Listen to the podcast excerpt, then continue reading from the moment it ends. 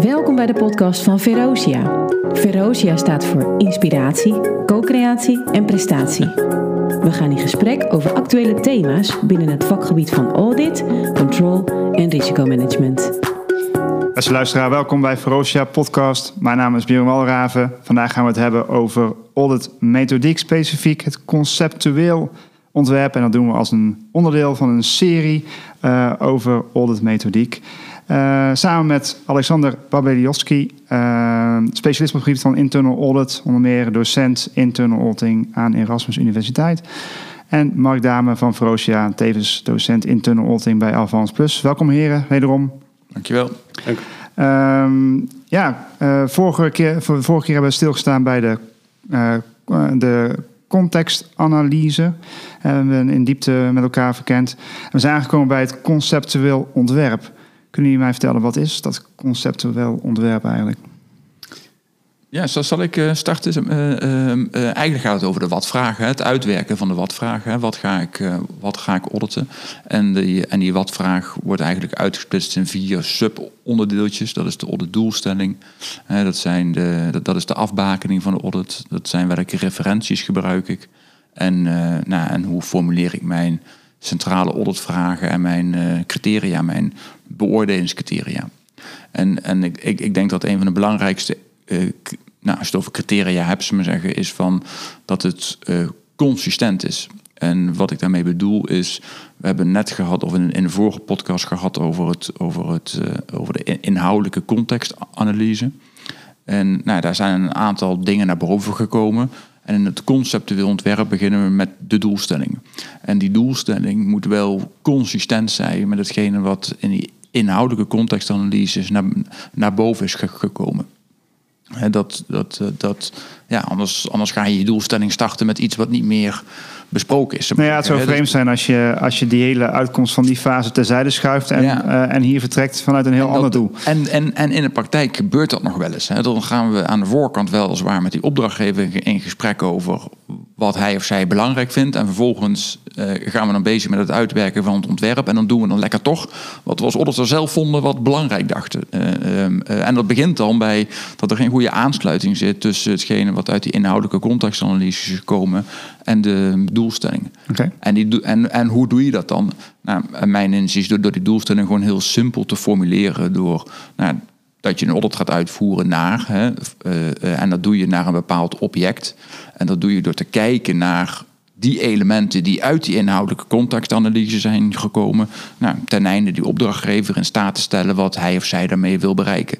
En die aspecten of, of die risico's, zullen we zeggen, ja, die haal je gewoon uit die in, inhoudelijke contextanalyse. Oké. Okay. En ja? Nou, uh, je noemt een paar delen hè, in, in, in, de vluggigheid van waar je die doelstelling uit kunt opbouwen. Misschien is het goed om dat toch heel even te verkennen. Van ja, dat zijn eigenlijk drie delen. Ja.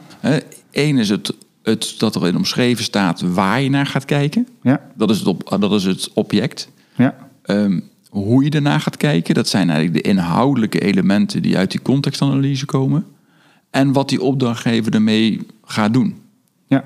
Ja, dus als ik dat vertaal naar een voorbeeld in de praktijk, dan zou je kunnen zeggen: je gaat kijken naar de uh, tijdigheid uh, en betrouwbaarheid van een hypotheekproces.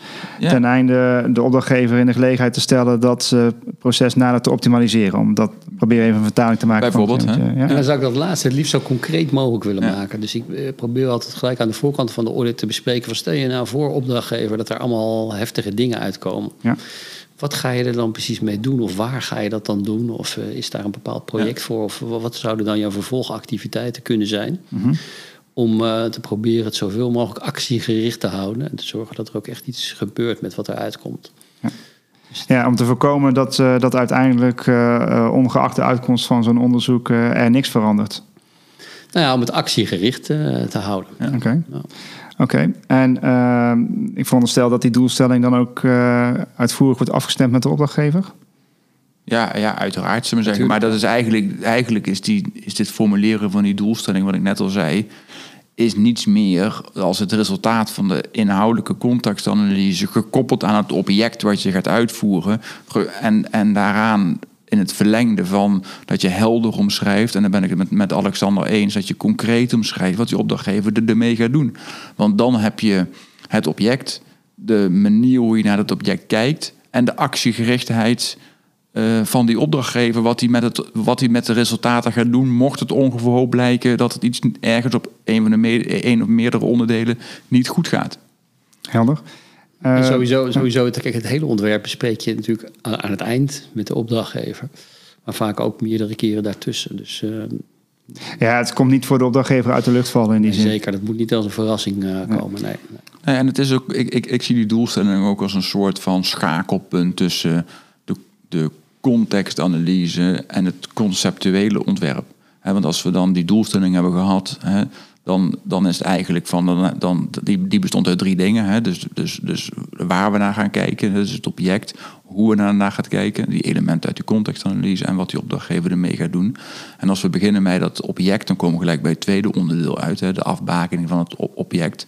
Nou ja, dan is het wel handig dat we dat, dat object ook, nou, wat het al zegt, goed afbakenen. Hè? Wanneer, wanneer begint het en wanneer eindigt het. Hè? En, en, eh, eh, en dan is in ieder geval het belangrijkste criterium dat we die afbakening zo kiezen dat al die aspecten die uit die inhoudelijke contextanalyse komen, die relevant zijn, in dat object zitten. Hè, Dat die in die afbakening zitten. Want anders, nou, anders kun je er natuurlijk niks over zeggen. Nou, nou hoorde ik jou zeggen ehm, eh, in de vorige podcast en, eh, en in het begin in de inleiding van deze podcast, het gaat over object en afbakening. Wat is dan het verschil tussen een object en een afbakening? de afbakening van het object. Dus het, het, het object is bijvoorbeeld ehm, een hypotheekproces. Ja. Hè, dat is het object. Of een project, dat is het object.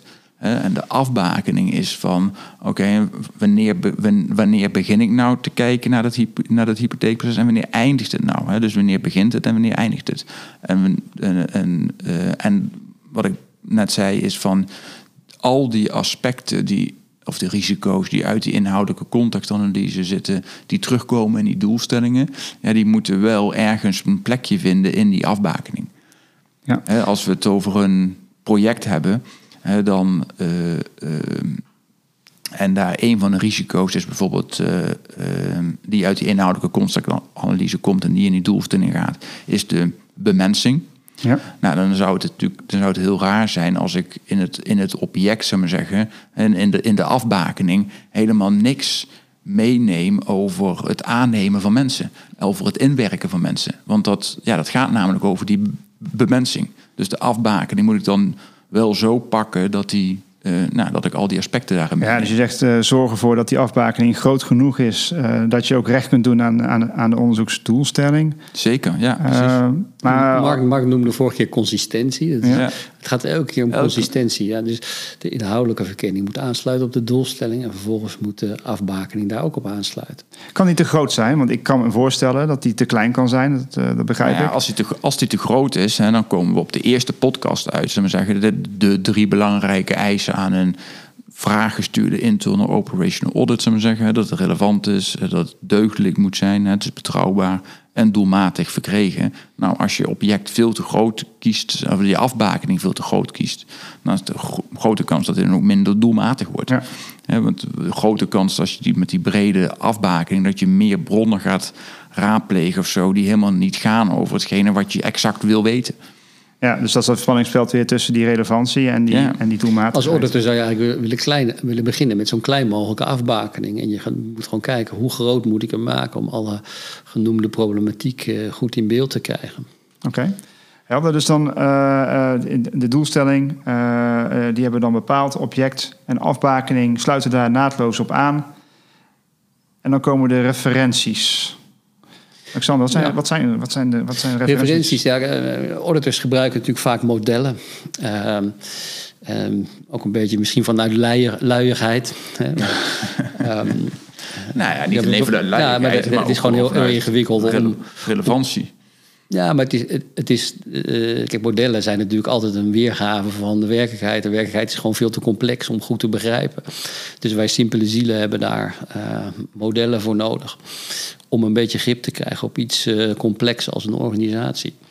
En ehm, die modellen, ehm, die, de keuze daarvan is natuurlijk wel belangrijk. Dat moet wel goed passen. Mhm. En uh, dat moet passen bij, uh, bij, de, bij de context, bij de organisatie. Ik kan me herinneren dat ik een keer een programma-audit deed bij de Rijksoverheid. En dat ik bezig was om mijn normenkader toe te lichten. En op dat moment de opdrachtgever zei van... jeetje, wat een, wat een blauw rationeel normenkader heb jij. Ik ben zelf eigenlijk iemand die veel meer groen is... en die uitgaat van leren en ontwikkelen. En ehm, dus toen hebben we dat hele normenkader op zijn kop gegooid om, ehm, eh, om het meer te laten aansluiten op de beheersing die daar uh, ingericht was en op de behoeften van de opdrachtgever. Is dat het belangrijkste criterium wat jou betreft? Dat je kijkt naar, ehm, naar de aard van de organisatie en, en naar een model zoekt wat daarbij past? En naar de aard van de problematiek. dus dus, dus zo'n model moet natuurlijk wel Nou, dan moet je iets kunnen zeggen over de dingen die daar spelen. En je moet antwoord kunnen geven op de, op de vraag uh, die gesteld wordt met behulp van dat model. Ja. En dan ook nog het liefst passend bij de context en passend bij uh, de wens van de opdrachtgever. Dus die, die keuze is best wel belangrijk. En, en wat ook wel uh, goed is om te vermelden, is dat je hoeft niet per se één referentiemodel te gebruiken. Het leuke vind ik altijd om referenties te koppelen. Je hebt vaak meerdere uh, auditvragen die je hebt. Hè. Mark noemde net de aspecten waar je naar gaat kijken. Hè. Hebt bepaalde punten die je gaat onderzoeken. Jij gaf net het voorbeeld van de bemensing.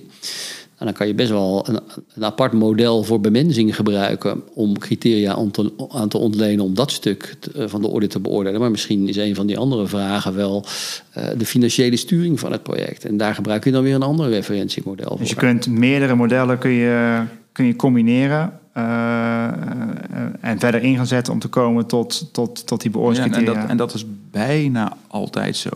Omdat namelijk nou, Alexander zegt net, een, een, model is altijd een versimpelde versie van de werkelijkheid. En mhm.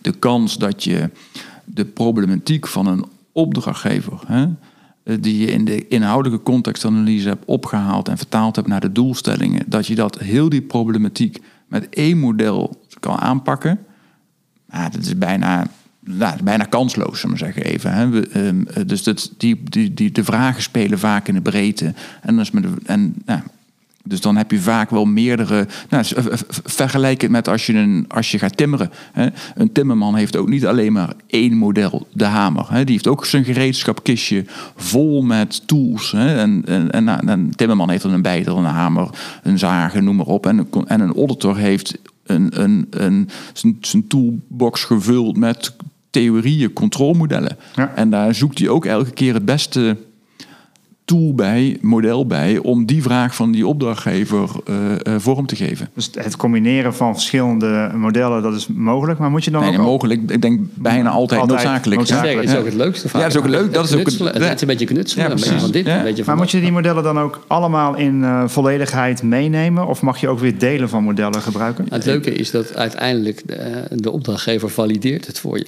Dus... Ja. Um, je haalt eigenlijk stukken uit modellen en die, die, die, die bouw je samen of die knutsel je samen tot een heel specifiek uh, referentiekader voor deze specifieke vraag en deze audit. En uiteindelijk laat je dan de opdrachtgever zeggen van nou, ik vind dit allemaal belangrijke punten en met de juiste insteek gekozen. En uh, die valideert dat dan als, en, voor je. En, en, en dus, zullen we zeggen, bijna altijd delen. Hè? Want als je bijvoorbeeld uh, nou, als je INK's referentie zou gebruiken hè, voor het uh, onderdeel leiderschap of zo, hè, dan is het maar de vraag, als je dat model volledig zou gebruiken, dan is het de vraag of elementen als uh, strategie of medewerkers, als dat niet uit onze gezamenlijke contextverkenning naar boven is gekomen, ja, dan kan ik dat wel gaan toetsen. Maar hoe relevant ben ik dan? Nou, niet, hè, want dan ga ik iets toetsen wat niet uit die contextanalyse naar boven is gekomen. Dan laat ik het model leidend zijn. En dat is prima, nogmaals, bij die, uh, nou, ik noem het even standaard audits, hè, die, we, die vanuit uh, externe werking worden ingezet, ten behoeve van vergelijkbaarheid. Maar als het over maatwerkaudits gaat, is het juist ja, de uitdaging. En dat maakt het maatwerk audits uitvoeren zo leuk. Hè, omdat je dan juist aan het knutselen bent, juist aan het kijken bent. Kijken van hey, welke, ele welke elementen, welke tools kan ik allemaal gebruiken om ja, om, om zo goed mogelijk referentie te En moeten dan hoor ik jou zeggen eh, INK-model. En ik begrijp het, de, de modelselectie, eh, jullie leggen dat uit, is afhankelijk van eh, de aard van de vraag en de aard van de organisatie. Ja. Maar zijn er nou modellen die jullie in de praktijk toch wel wat vaker dan andere modellen langs zien komen? Als nou, misschien vaste spelers in het spel? Kun je, zou, je, zou je een aantal Ja. modellen kunnen noemen die Ja, vaak kijk, komen? Eh, COSO komt natuurlijk heel veel voor. eh, INK, eh Simons misschien iets, eh, iets minder. eh, maar Quinn en Cameron. eh, dat, dat, ehm, eh, Prins, als je naar projecten Prins, kijkt. projecten kijkt. Nou ja, alhoewel die tegenwoordig steeds meer vervangen worden door, de, door methodieken zoals Agile, Scrum en zo. Hè. Natuurlijk, ja. Maar, Ja. ehm, eh, maar inderdaad, dat zijn... Dat, ja. Oké, helder. En, en die modellen die gebruik je dus om uiteindelijk te komen tot die set van, van, van beoordelingscriteria, als, als jullie eh, goed begrijp. Alexander, hoe, hoe werkt dat? Hoe kom je van een model tot een beoordelingscriterium? Nou, je hebt ehm, eh, eh, in eerste instantie zijn natuurlijk dus het gesprek wat je met de opdrachtgever hebt gehad leidend. Daar zijn een aantal punten naar voren gekomen. En, en dat, dat noemen we in de auditmethodologie de centrale vragen van de audit. En ehm Mark had het net bijvoorbeeld al over het voorbeeld van, eh, van een project eh, waar het gaat om de, is de bemensing eh, goed georganiseerd. Ehm, dat is een centrale vraag. Daar gebruik je referenties bij. Eh, bijvoorbeeld een model over bemensing. En eh, je, je moet dus vervolgens bij die centrale vraag eh, gaan uitwerken van ja, wat versta ik nou eigenlijk onder goede bemensing in dit specifieke geval. En eh, daar kan je dan eh, die theorieën bij gebruiken om daar beoordelingscriteria aan te ontlenen. En in die auditmethode maken we nog een tussenstapje door te zeggen: je hebt eerst een centrale vraag. Een centrale vraag bestaat uit een aantal variabelen. Eh, als ik even een voorbeeld mag geven. Als een centrale vraag is: is hier sprake van, van goed verandermanagement? Eh, dan kan je kijken, ja, verandermanagement, wat behelst dat nou eigenlijk? Nou, dat gaat over communicatie. Dat gaat over het creëren van draagvlak. Dat gaat over leiderschap. En die dingen noemen wij variabelen. En elke variabele moet je vervolgens uitwerken in een aantal beoordelingscriteria. Nou, wat verstaan we dan onder goed leiderschap? En, en zo bouw je eigenlijk langzaam stapje voor stapje je normenkader uit, wat precies past bij de vraagstelling die voor ligt. Want je begint met een centrale vraag, dan komen er variabelen bij die vaak aangereikt worden door de referentiemodellen die je gebruikt. En die vul je dan uit als beoordelingscriteria. En die beoordelingscriteria zijn eigenlijk ja, eh, eh, de, de, de onderzoeksvragen op het allerlaagste niveau. Ja, dat, is zijn- eigenlijk hetgene wat je gaat toetsen. ja, dat is- ga je dat is beoordelen. dat is je normenkader. En dat, dat moet dus ook altijd in een gesloten vorm geformuleerd zijn. Want we zijn niet bezig met een beschrijvend onderzoek, maar met een toetsend onderzoek. Mhm. Dus het moet je ook de, eh, de mogelijkheid kunnen geven om te toetsen. En ehm, dat betekent dat die criteria ook allemaal gesloten geformuleerd moeten zijn. Dus ja of nee. En eh, ja, dat, dat, die beoordelingscriteria goed formuleren is eigenlijk het, hele, het, het allerlastigste onderdeel van het hele ontwerp. Maar ook een heel bepalend onderdeel. Ja. Eh, aangezien je er, daarmee ga je uiteindelijk het veld eh, in. Ja, en, en, en, ja, we hebben al een aantal keer het woord samenhang laten vallen. Het gaat elke keer om de, om de samenhang. En ehm, eh, je moet een aantal beoordelingscriteria vinden die echt iets zeggen over de variabelen die je aan het onderzoeken bent. En eh, dat moet wel passend en dekkend zijn. En je moet achteraf, eh, als je moet valide zijn. Hè? ja, Ja. ja. Als je uiteindelijk eh, je gegevens verzameld hebt en je hebt op al die beoordelingspunten een, een, een, een antwoord gekregen, dan moet dat tezamen jou een indruk geven van hoe goed die variabele nou eigenlijk functioneert. En dat betekent dat die keuze best wel bepalend is. Ja. En hetzelfde geldt voor de variabelen die, die tezamen eh, een antwoord moeten geven op de centrale vraag. Eh, en die samenhang is heel belangrijk. En eh, soms heb je een heel breed onderzoek wat op heel veel punten niet zo diep gaat. Heb je heel veel variabelen met een paar beoordelingscriteria. En soms ga je veel meer de diepte in. En ook dat hangt af van de soort vraag die de opdrachtgever heeft. En de, de gewenste mate van diepgang die je moet zoeken. En dat is vaak een ongelooflijk geknutsel. En, eh, En vooral ook heel veel afstemmen met de opdrachtgever. Hè? Nou ja, je noemde het woord valideren al, hè, valide. Zorgen dat, ze- dat, je, dat je meet wat je wil meten. Ja. Eh, is, is, is, is dat ook gelegen of is, dat, is, is die afstemming met die opdrachtgever op dat punt daarom zo belangrijk? Nou, nou, nee, ze maar zeggen, dat is meer over de kwaliteit. Kijk, als ik wil, wil weten hoe lang ik ben, hè, Mhm. dan, dan moet ik een meetlat gebruiken. Dan, dat is een valide een, een, een meting. Dan moet ik niet op een weegschaal gaan staan, want dat, dat meet niet hoe lang ik ben. Mhm. Hè, ehm, ehm, en vervolgens moet. eh, dus, dus het gaat veel meer over het referentiemodel, de theorie die je we maar zeggen, die past bij mijn organisatie.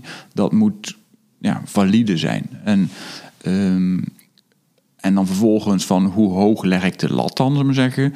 En, en hoe, hoe, hoe, nou, hoe, diep ga, ga ik, zou ik zeggen. Ja, dat is iets wat je met de opdrachtgever heel goed moet afstemmen.